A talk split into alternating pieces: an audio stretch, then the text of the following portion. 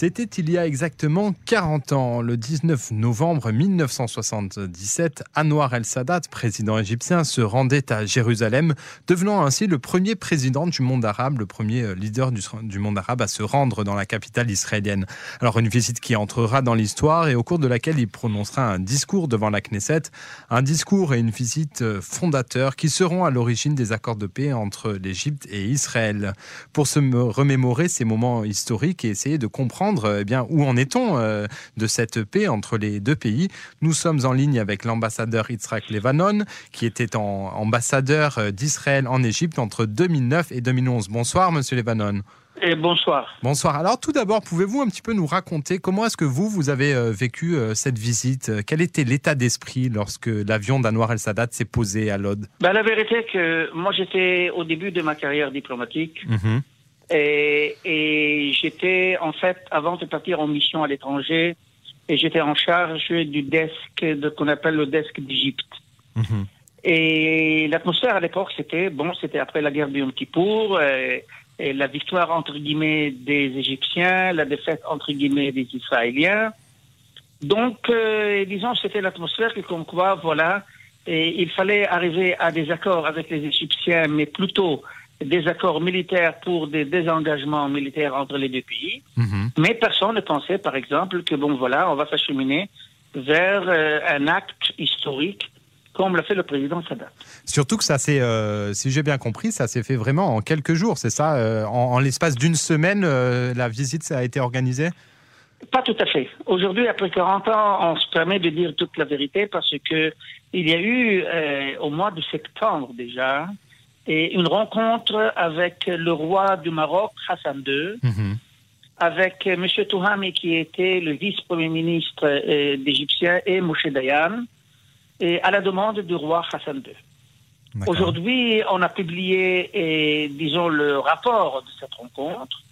L'atmosphère était, était, était très positive dans cette rencontre. Je crois que à cause de, euh, du rôle qu'a joué le roi Hassan II du Maroc.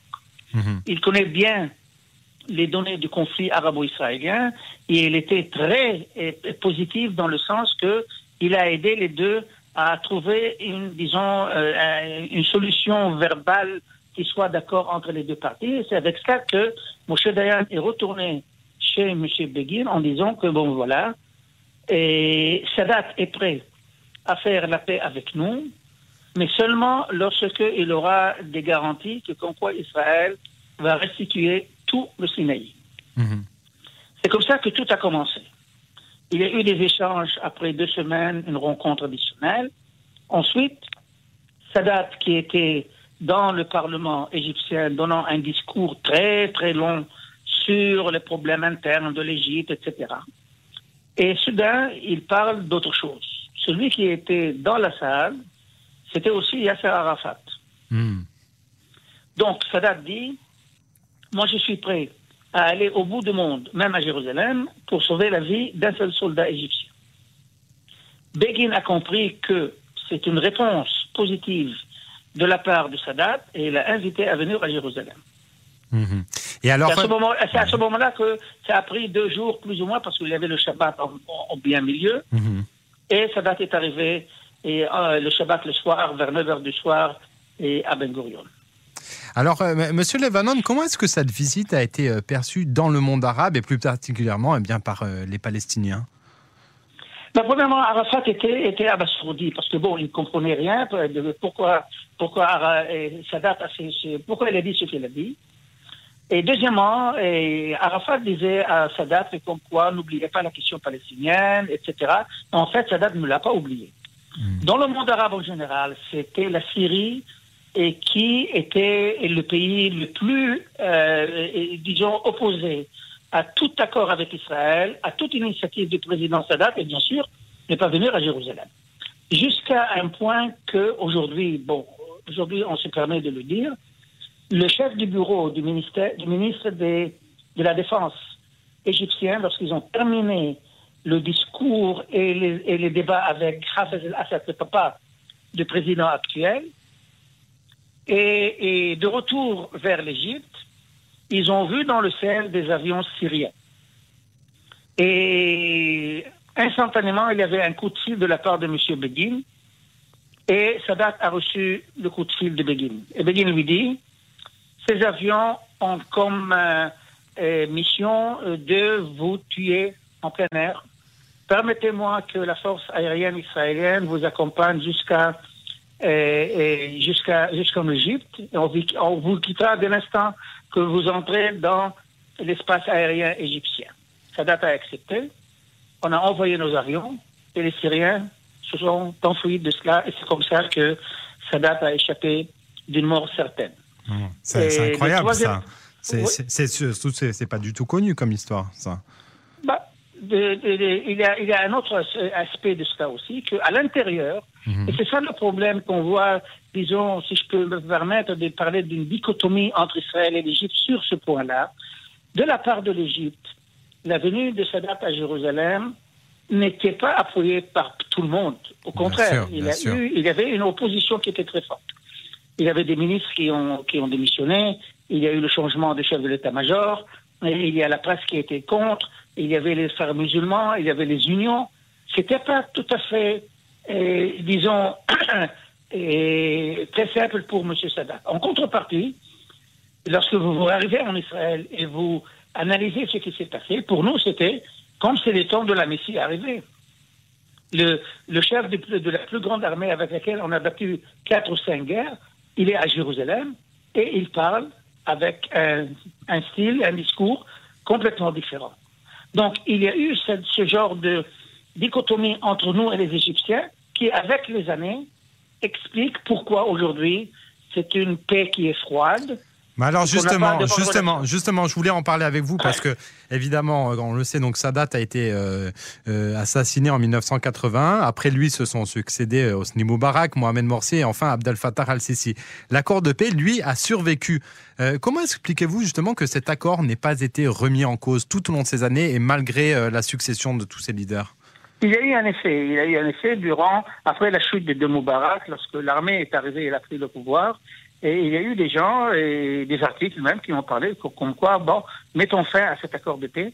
Ensuite, il y a eu lorsque Moursi, des frères musulmans, est arrivé. Mhm. Mais il faut comprendre une chose, et je crois que c'est la situation actuelle, c'est que les Égyptiens, en tant qu'Égyptiens, que ce soit le gouvernement, la partie officielle ou la population, ils comprennent deux choses qui sont très claires aujourd'hui.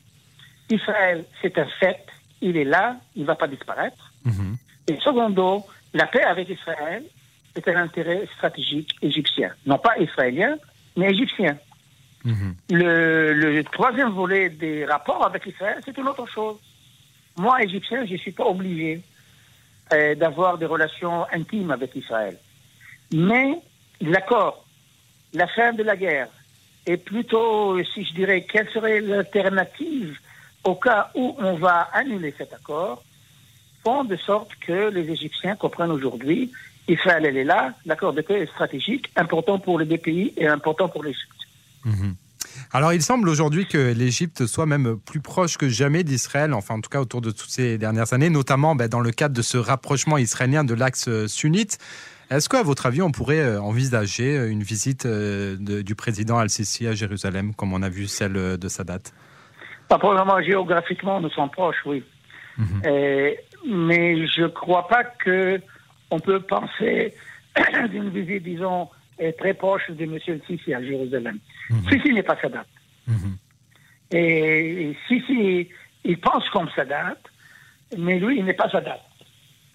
Ce qui, ce qui se passe, à mon avis, c'est que aujourd'hui, le, l'axe sunnite, etc., ne joue pas un rôle prépondérant dans les rapports entre nous et les Égyptiens. Hmm. C'est vrai que nous avons des rapports militaires et, de l'intelligence entre les deux pays qui sont excellents et qu'on n'a jamais vu ça auparavant. Ceci est dû uniquement parce qu'il a des intérêts communs. Hmm. Si ces intérêts communs disparaissent, ceci, très probablement, va aussi diminuer, je crois, les rapports. L'autre point que, à mon avis, il est très important, c'est que c'est inadmissible, c'est presque impossible de euh, baser les relations bilatérales entre deux pays sur un seul pied, le pied militaire et de l'intelligence, en ignorant l'autre pied qui est les relations bilatérales culturel, économique, tourisme, économie, euh, finance, etc. Ce C'est pas possible. C'est comme si vous venez debout sur un seul pied. Vous pouvez le faire pendant une heure, pendant deux heures, mais pas pour euh, pour vous, ça veut dire que en fait, euh, eh bien, euh, cet accord n'est pas assez solide. Pour cela, il faudrait rajouter l'aspect, comme vous l'avez souligné, commercial, touristique, etc., culturel. Ben, regardez, l'accord de paix, en tant qu'accord, en tant, en tant qu'accord, il est solide parce que c'est un intérêt stratégique égyptien. Mhm. Mais pour, pour pouvoir le maintenir, il faut le cultiver. Les rapports bilatéraux entre les pays entre tous les pays du monde, font de sorte que vous créez tout le temps de nouveaux intérêts mutuels. Et ces intérêts conjoints vous aident à maintenir les relations. Donc si on va créer de nouveaux intérêts entre nous et les Égyptiens sur le niveau bilatéral, ça, ça pourra consolider tout à fait l'appui égyptien de la population égyptienne, de la partie officielle, du traité de paix entre nous et l'Égypte. Mhm. Très Donc, C'est impératif, à mon avis. Ben, écoutez, on espère en tout cas que ces, rapports existeront un jour. En tout cas, je vous remercie de vous être remémoré euh, pour nous et d'avoir euh, fait le bilan justement de ces accords de paix. Euh, ambassadeur Israël Levanon, donc je rappelle que vous avez entre autres été en poste au Caire entre 2009 et 2011. Merci beaucoup et bonne soirée. Bonne soirée.